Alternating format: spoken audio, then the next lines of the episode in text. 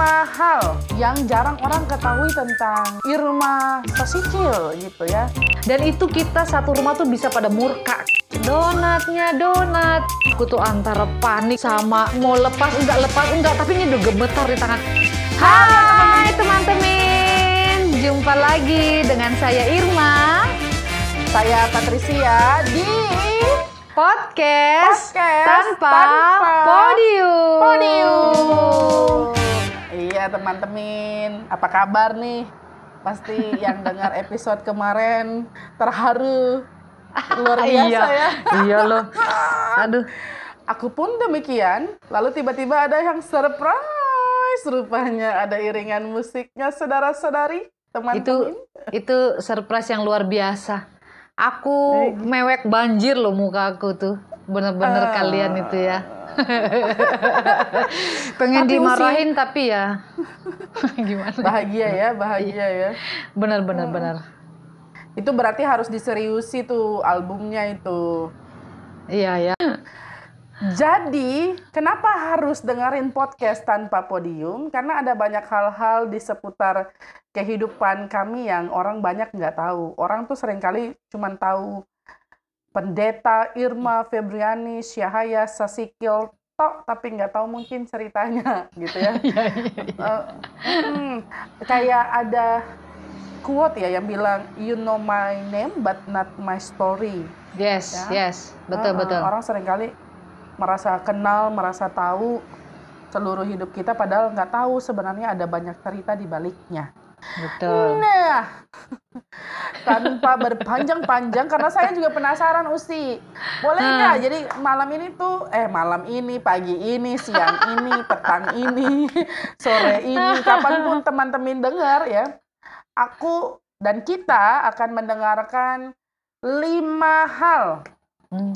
yang jarang orang ketahui tentang Irma Sasikil gitu ya. Ya, ya. Ada hal-hal, jadi lima hal usia kita eh, urutkan dari lima sampai satu. Jadi lima ini orang ya sedikit banyak tahu. Oke. Lalu nanti yang satu ini yang jarang orang tahu. Jarang. Boleh ya? Oke, Boleh oke. dong, boleh dong. Ntar dulu ya, aku sambil aku nih sambil nginget-nginget nih apa ya. Soalnya kalau seandainya untuk beberapa orang ya ada yang sudah tahu ya. Tapi Hmm, semoga bisa apa-apa. cekatan ini langsung muncul ini. Iya, karena sebenarnya ada banyak teman-teman teman-teman baru ya. Oke. Ya, selain keluarga kita, ada orang-orang yang mendengar kita dan kita baru kenal. Eh, mereka kasih feedback yang baik juga. Yes, Nah, mungkin betul. mereka perlu tahu nih. Lima hal, kita mulai. Hal yang nomor lima, nomor lima. Nomor lima. berapa yang akan mencengangkan Anda ya? Simak baik-baik. Nomor lima, tentang Irma. Tentang saya ya. Mm. Hmm. Untuk yang nomor lima ini, ini berkaitan dengan makanan ya. Eh, karena kalau bicara makan itu saya juga termasuk hobi sih sama yang namanya makanan. Apalagi makanan yang satu ini. Aku tuh kalau makan gitu, Pet, aku selalu berusaha untuk meninggalkan rasa yang paling enak itu di suapan terakhir. Jadi kalau orang dan bilang itu bisa ya. Iya, yang penting eh yang penting kalau orang bilang itu save the best for last gitu ya. Asik, for the Jadi best, ya. mempersiapkan yang terbaik di bagian akhir. Aku tuh orangnya memang begitu karena kalau orang suruh aku udah makan ini lo enak, hmm, aku kalau belum pernah nyoba tuh nggak nggak bakal aku coba. Tapi kalau sampai suapan terakhir itu terasa enak, itu pasti akan aku cari terus makanan itu. Nah, makanan yang sedang aku bicarakan ini sebenarnya Apakah makanan itu? iya sebenarnya ini makanan sejuta umat. Oh, bukan yang langka ditemui Oh ya. bukan, sejuta umat, yakni telur ceplok. Kenapa telur ceplok? Uh, wow. Kami satu keluarga itu, mungkin aku kakak beradik ya, kami tuh paling suka telur ceplok, khususnya bagian kuning telurnya, gitu ya. Ah, kolesterol. kolesterol Segala. memang gitu ya. Tapi nggak tahu ya, apa mu- mungkin karena kalau kita goreng telur terus kita taruh garamnya kan pasti sekitaran kuningnya ya. Kadang-kadang orang kan Betul. nggak rata gitu ya. Dan memang enak banget gitu loh. Jadi aku kalau makan Hmm. itu selalu yang bagian kuning itu terakhir gitu. Oh, oke. Dan kalau seandainya bagian kuning yang terakhir itu diambil orang, karena pernah kejadian, Pet, kami tuh kakak beradik tuh berebutan kuning telur. Dan itu kita satu rumah tuh bisa pada murka kalau barang itu diambil karena itu yang terakhir. iya, kan ceritanya kan the best for last. Jadi ini kan udah berarti udah udah puncaknya kita enak makan kan di situ gitu ya. Kalau seandainya nggak masuk itu kuning telur kan kayak tanggung rasanya di leher gitu Kayak ada yang kan. kurang nih ya.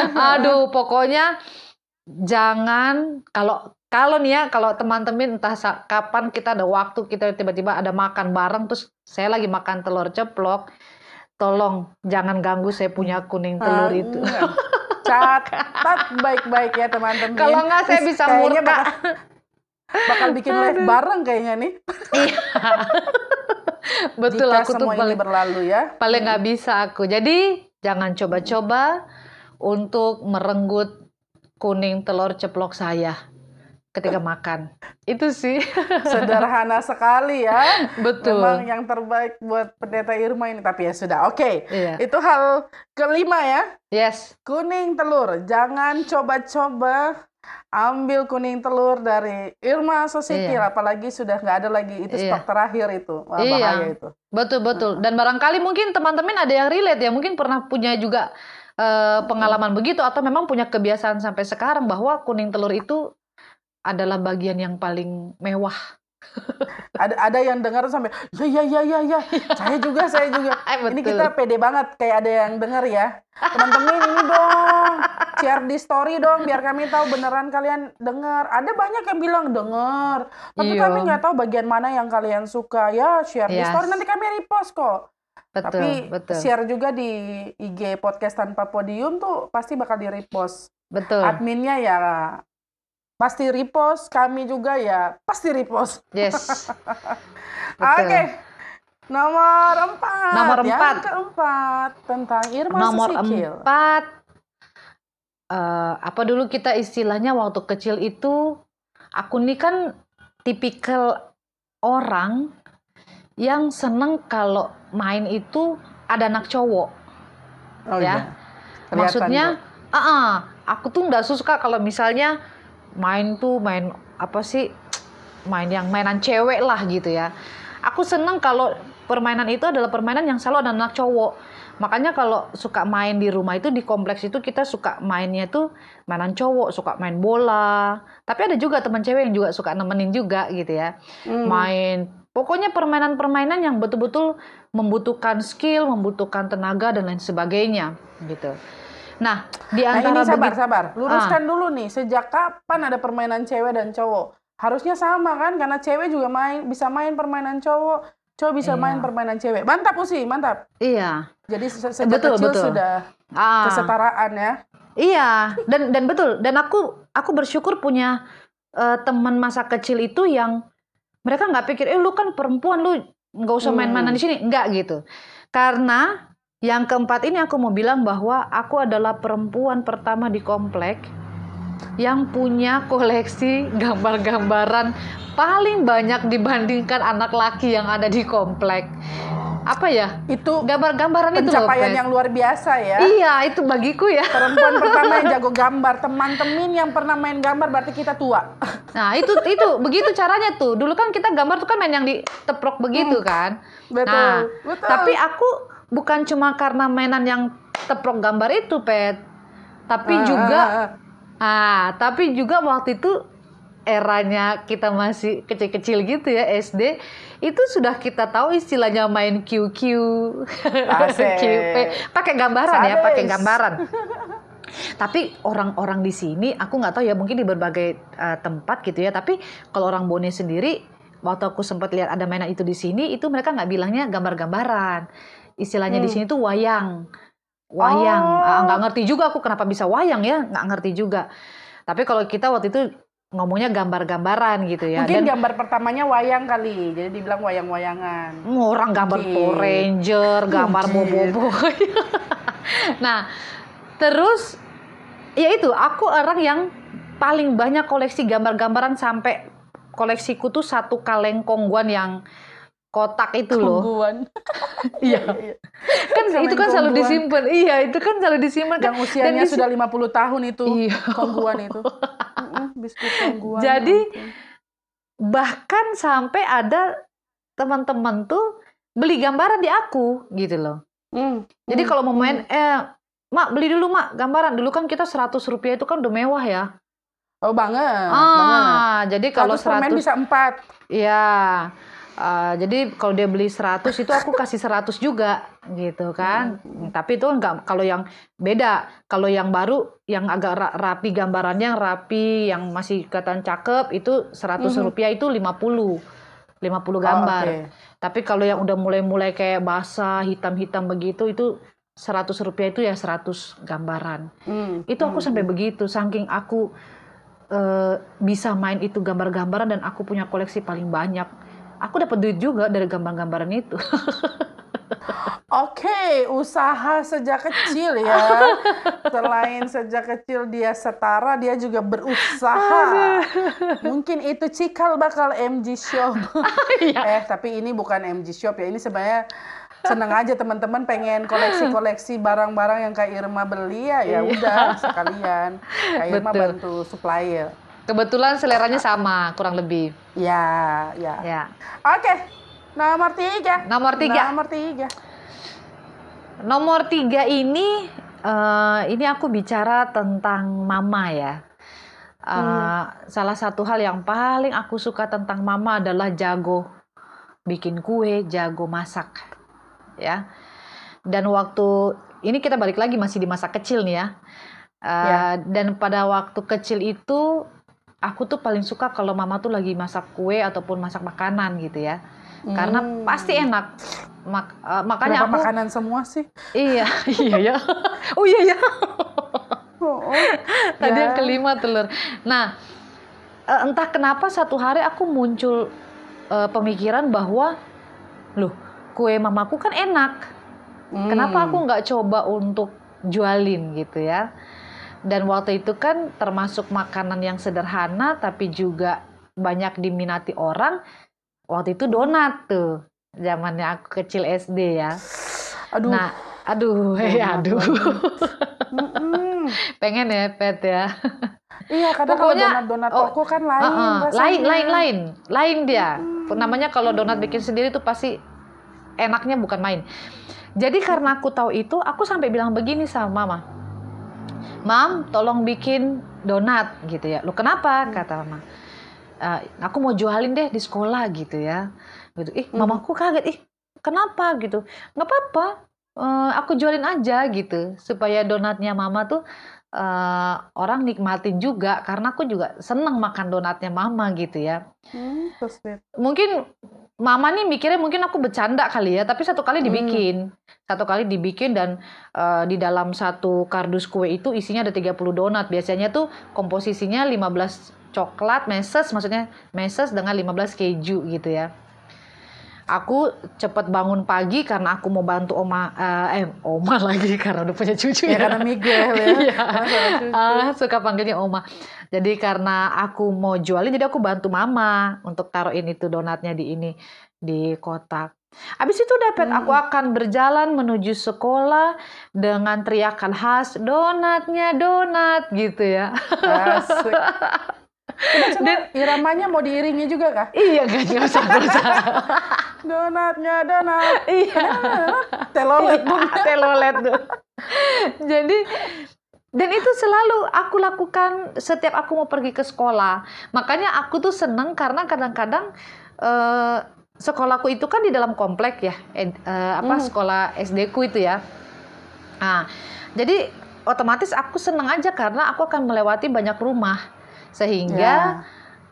kadang-kadang belum sampai sekolah udah habis donatnya mama Hmm, hmm. atau enggak masih ada nanti di sekolah habis. Tapi ada juga kadang-kadang sampai di sekolah pun pulang nggak habis. Dan tau Hmm. nggak apa yang aku bikin? Aku nggak akan pulang sebelum habis, Pet. Jadi aku akan Pantang terus putar sebelum komplek. donatnya habis. Pantang pulang sebelum habis. Jadi aku akan terus lagi putar komplek. Bahkan bila perlu aku lewatin kompleks yang tadi mungkin aku belum eh, lewati. Jadi aku kan ada banyak rute kalau ke sekolah kan. Jadi kadang aku beda lagi rute pulang dengan rute pergi itu beda. Hanya supaya donat itu habis. Gitu ya. Jadi dan mama tuh udah tahu kalau aku pulang lambat berarti dia udah tahu nih ini anak pasti lagi muter lagi pasti donatnya belum habis di sekolah. Dan aku akan pulang selalu dengan membawa kardus yang kosong atau bahkan mungkin kardusnya aku tinggalin sama yang pembeli terakhir gitu ya. Udah ambil aja bu maksudnya gitu. Jadi aku nih Gigih ya, Iya. gigih sekali ya, saudara Irma ya. aku tuh nggak tahu ya suka banget aku tuh jual-jual kue orang tua Ya, ya, gitu ya itu sih gitu ya Itu nomor tiga. Tiga. Ya. Nomor dua, dua. makin deg-degan ya makin kedua dan ke satu nih nomor dua nomor dua kita agak naik sedikit lah ya kita coba flashback ke masa aku SMP ya Ah, di SMP itu aku punya teman eh kami bersahabat berempat nama gengnya kami itu Falm gitu ya nama gengnya kami itu Falm itu juga nggak ngerti kenapa itu? Falm Geng itu tuh itu? Sebenarnya Hmm. Fam itu singkatan nama, F itu Febriani, makanya curang banget teman-temanku. Mereka pakai nama depan, aku yang diambil tuh Ken- nama Kenapa nama nggak Alip? tengahnya. Alip. Nah Alip itu nggak Irma. tahu. Jadi, Ah, Mestinya Alim ya, harusnya Alim ya. Cuma mungkin nggak Iya. sesuai kali, nggak sesuai. Jadi Falm. Eh, terus udah gitu Febriani, Amira, Lydia, Maya. oh, Kami M ya. Iya. Pas, Eh, makanya eh, itu eh, mereka nggak mau, pokoknya udah Falm dia bilang gitu. Atau Mila, Kamila. Iya itu dia. Pokoknya Mail, entah mail, kenapa tiba-tiba. Kok jadi bikin tiba- nama ya? iya. Tiba-tiba paham. Tapi yang menarik dari kisah persahabatan kami ini, Pet, adalah bahwa kami itu langsung kayak deket gitu loh. Jadi saking Hmm. deketnya itu kami nih orang tua kami juga udah kenal. Kami nih bergaul nih, kami berempat nih sahabatan gitu ya. Nah satu waktu kami ini suka pulang sekolah tuh suka mampir gitu ya. Hmm. Suka mampir gitu ya. Mungkin teman-teman mungkin juga uh, punya pengalaman ya. Mungkin kadang-kadang ada yang pulang sekolah kan ada yang nggak boleh ya kadang-kadang ya. Nggak boleh aku, Ah, aku nggak oh, boleh. Pet nggak boleh ya. Iya. Mm-mm. Kalau aku sebenarnya nggak boleh juga, Pet. Cuma karena mungkin ya itu ya karena mungkin udah kebiasaan bareng mereka jadi Betul. Mama udah Kecuali tahu aja. nama-nama itu disebut, Ah, baru di luar nama itu pasti nggak dikasih. Kayak gitu. Jadi ya sudah. Ketika itu kita selalu biasa main ke rumah Ami. Dan Ami itu Hmm. bisa dibilang eh, yang paling kaya lah di antara kami gitu ya. Karena dia juga tinggalnya di perumahan, perumahan yang Hmm. eh, keren lah kalau daerah Cibubur gitu ya. Nah, udah gitu yang menariknya itu adalah Ami ini punya rollerblade di masa kami SMP.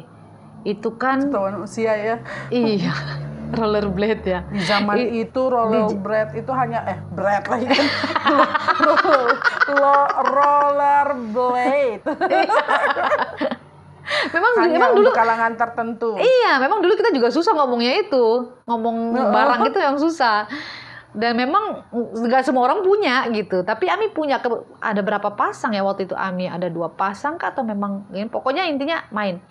Dan yang menariknya adalah ketika kita main itu, aku tuh pernah sampai berusaha untuk pegangan dengan pickup supaya aku gampang. Kan susah itu kan ma- main barang itu kan susah, harus seimbang kita. Iya, tapi Terus- kenapa pick up sih? Maksudku Oh. supaya pick up itu bantu aku jalan gitu kalau gini. Jadi aku nggak perlu yang itu. Tapi tau nggak apa yang terjadi? Itu pick up ngegas tau nggak supirnya? Ya iyalah orang dia mau bawa barang kok. Kenapa sih itu ikut di belakang? Coba. Dan mungkin memang dia nggak tahu kalau aku di belakang.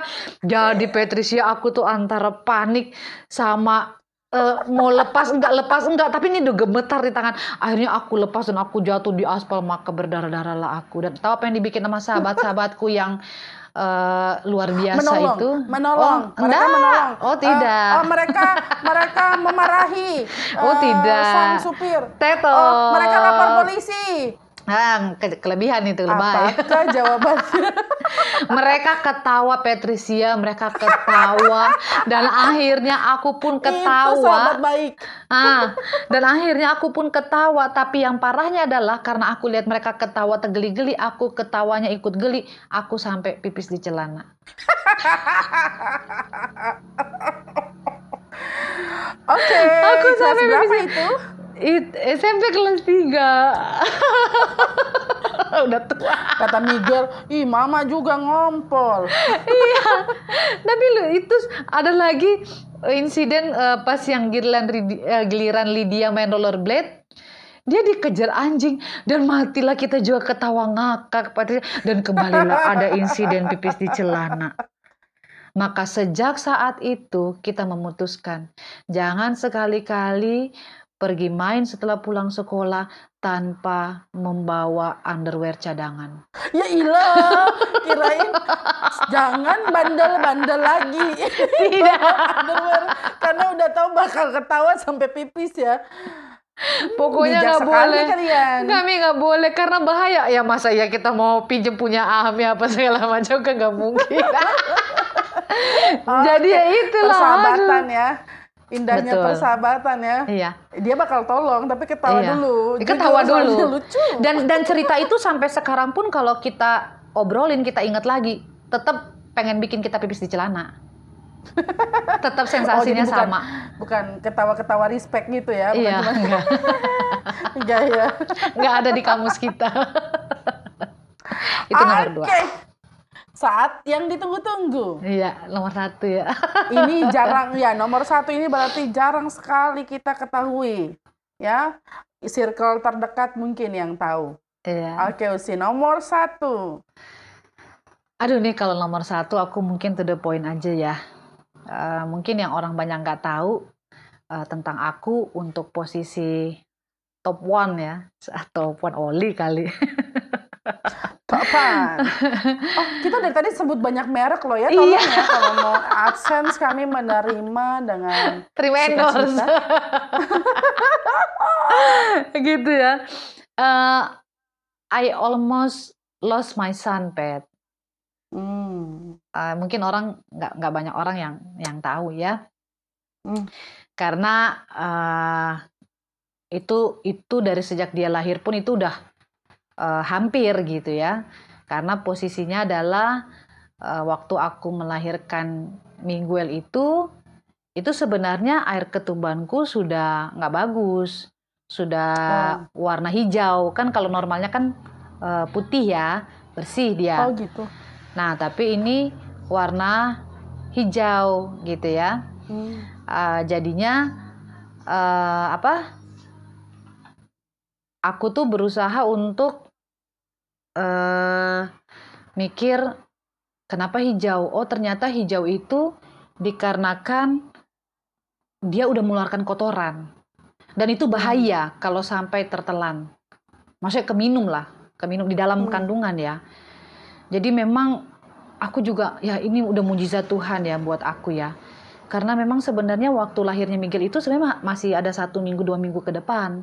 Jadi dia Hmm. lahirnya tuh lebih cepat gitu ya. Dan memang dokter bilang ini kalau lambat lagi bisa bahaya gitu ya. Hmm. Tapi ya syukur puji Tuhan bahwa ya sekalipun dalam kondisi yang eh, bisa dikatakan air ketubannya tidak seperti keadaan yang normal gitu ya. Tapi Miguel lahir dengan selamat, dengan sehat, tanpa kurang suatu apa pun. Tapi kalau bicara tentang I almost my son itu bukan hanya sampai di situ ceritanya. Lost my Jadi son. ya aku pernah berhadapan dengan eh, dilema ketika aku berusaha untuk menyelamatkan anakku dari patokan ular ya. Jadi ya- jadi itu udah udah jadi kalau kita bicara post pelkes pet yang kayak kayak Iya. begitu kan bukan sesuatu yang asing lagi ya. Benar, Nih kalau teman-teman ada yang orang pendeta GPB pasti udah tau lah pengalaman di pos pelkes gitu ya. Jadi posisinya itu aku kayak perasaanku waktu itu udah gak enak aja. Kayaknya aku merasakan ada sesuatu yang yang lain gitu ya. Tiba-tiba aku teringat Miguel, aku di kamar dan Miguel di luar. Sebenarnya lagi nonton, nonton Barney dari laptop Hmm. gitu ya. Eh, tapi kok dia terlalu tenang. Ak- Biasa kan dia agak agak sedikit bernyanyi apa bagaimana gitu. Aku agak kurang enak perasaanku karena kok dia tenang gitu ya. Insting ibu ya. Ah, aku pikir ah, Firasat. jangan-jangan dia lagi korek-korek laptop lagi karena itu laptop gereja. Jadi ketika aku keluar, memang dia lagi korek gitu ya. eh jangan nak jangan nak bilang gitu udah ya udah nggak ditonton Igel waktu itu 10 bulan kah 11 bulan kalau nggak salah Hmm. tapi ketika aku berusaha untuk merapikan laptop itu aku lihat ada yang gerak itu Hmm. jaraknya kurang lebih 30 cm loh Pet dengan Miguel dan Hmm. itu adalah ular dan itu lumayan besar menurutku dan dia Hmm. tuh udah posisinya udah yang tinggal posisi dia tuh yang udah ngeper Oh gitu ya ampun, Susiap patok. So siap. Kalau memang dia lihat ini anak mungkin ada gerak tambahan atau bagaimana. Jadi aku di situ berpikir secepat mungkin bagaimana caranya aku berusaha untuk lebih cepat daripada ular itu ya, gitu ya. Hmm. Atau setidaknya bagaimana aku berusaha melindungi Miguel supaya kalaupun memang ada yang diserang yaitu aku. Nah, Ya, jadi ya, ibaratnya ya kalau bisa aku balikan badanku dan dia incar punggungku lah kasarnya begitu.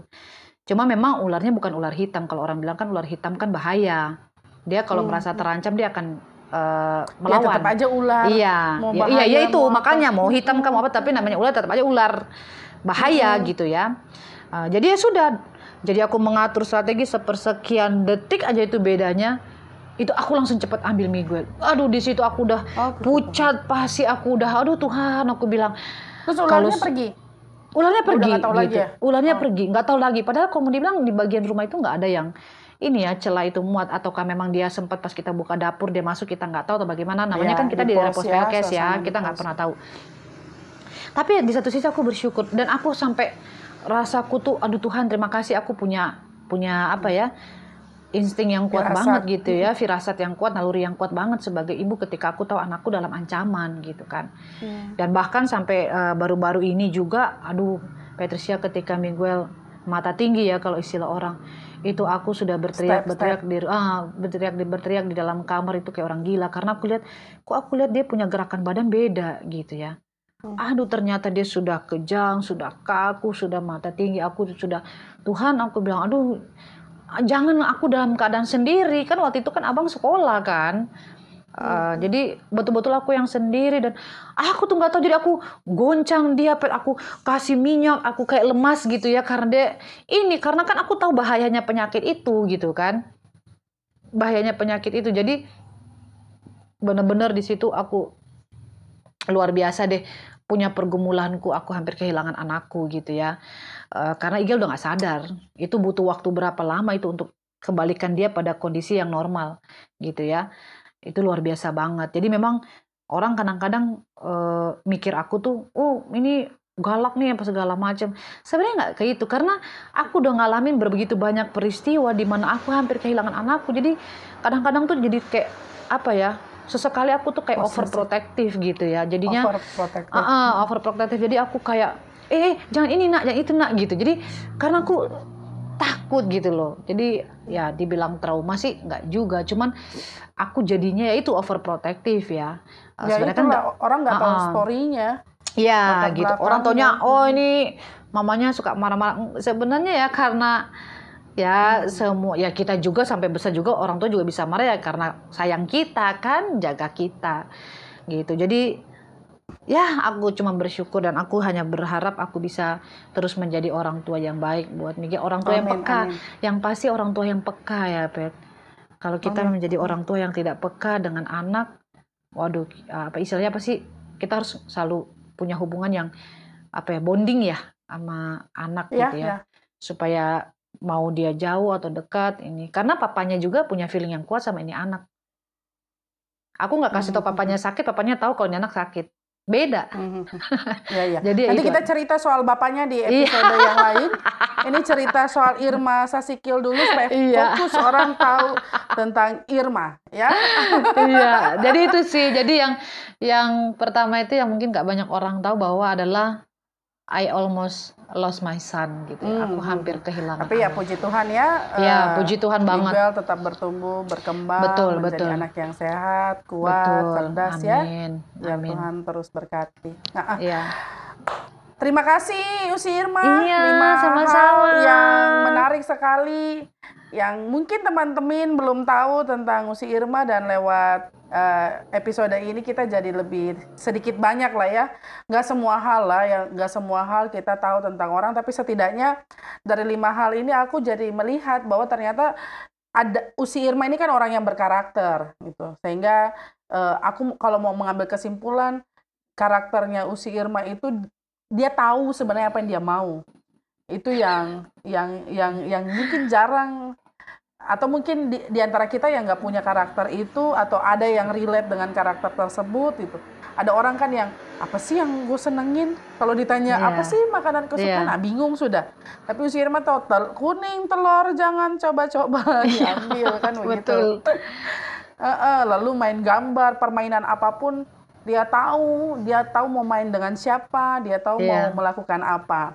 Yang kedua kalau sudah tahu apa yang dia mau dia mau melakukan segala Hmm. sesuatu yang yang dia suka dengan gigih gitu dengan tekun jualan eh, donat bikinan mamanya karena dia tahu enak gitu ya dan dasarnya itu loh manis sekali bilang katanya supaya orang lain juga bisa menikmati eh, donat bikinan mamanya. Wah itu luar biasa loh filosofis loh itu.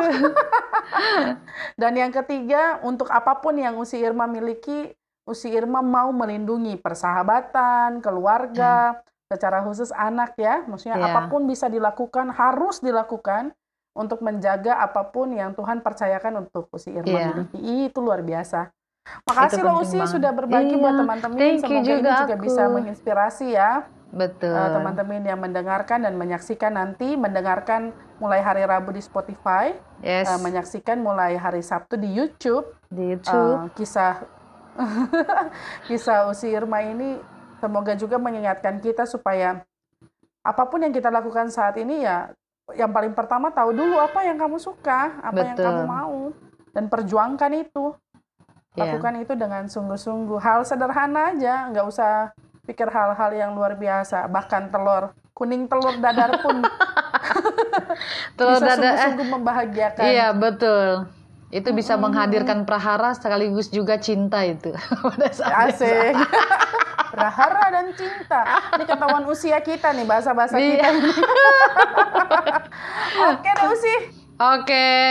Iya, iya, makasih banyak loh Usi sudah Sama-sama. berbagi itu luar biasa Sama-sama. menguatkan. Iya. Semoga Usi sehat. Kok uh, jadi kayak ini ya. jadi kayak host dan guest ya. Gua Karena rasa- gua rasa bintang tamu dibayar mahal. Dengan Ohana ya, dengan keluarga dalam obrolan Oh iya, betul. Irma. Betul. Uh-uh. Teman-teman yang pengen tahu tuh ada di Instagram Usi Irma, at Irma Sasikil. Ya. Jangan lupa nonton tiap jam 7 malam WIB. Itu juga menarik tuh kisah-kisahnya bersama dengan keluarga. Keluarga. Betul. Kalau mau tahu lebih banyak, ya Iya. kalau nggak mau tahu ya udah sih nggak usah protes. Oke deh teman-teman, Oke, banyak ya. terima kasih banyak, teman-teman yang sudah mendengarkan. Ya, Tuhan. Yesus memberkati kita. Tuhan Yesus Kalau memberkati. begitu saya Patricia pamit. Saya Irma pamit. Sampai jumpa di episode podcast tanpa puding berikutnya. Dah. Bye bye. Bye bye. God bless you all. God bless you. You you you you. Dah.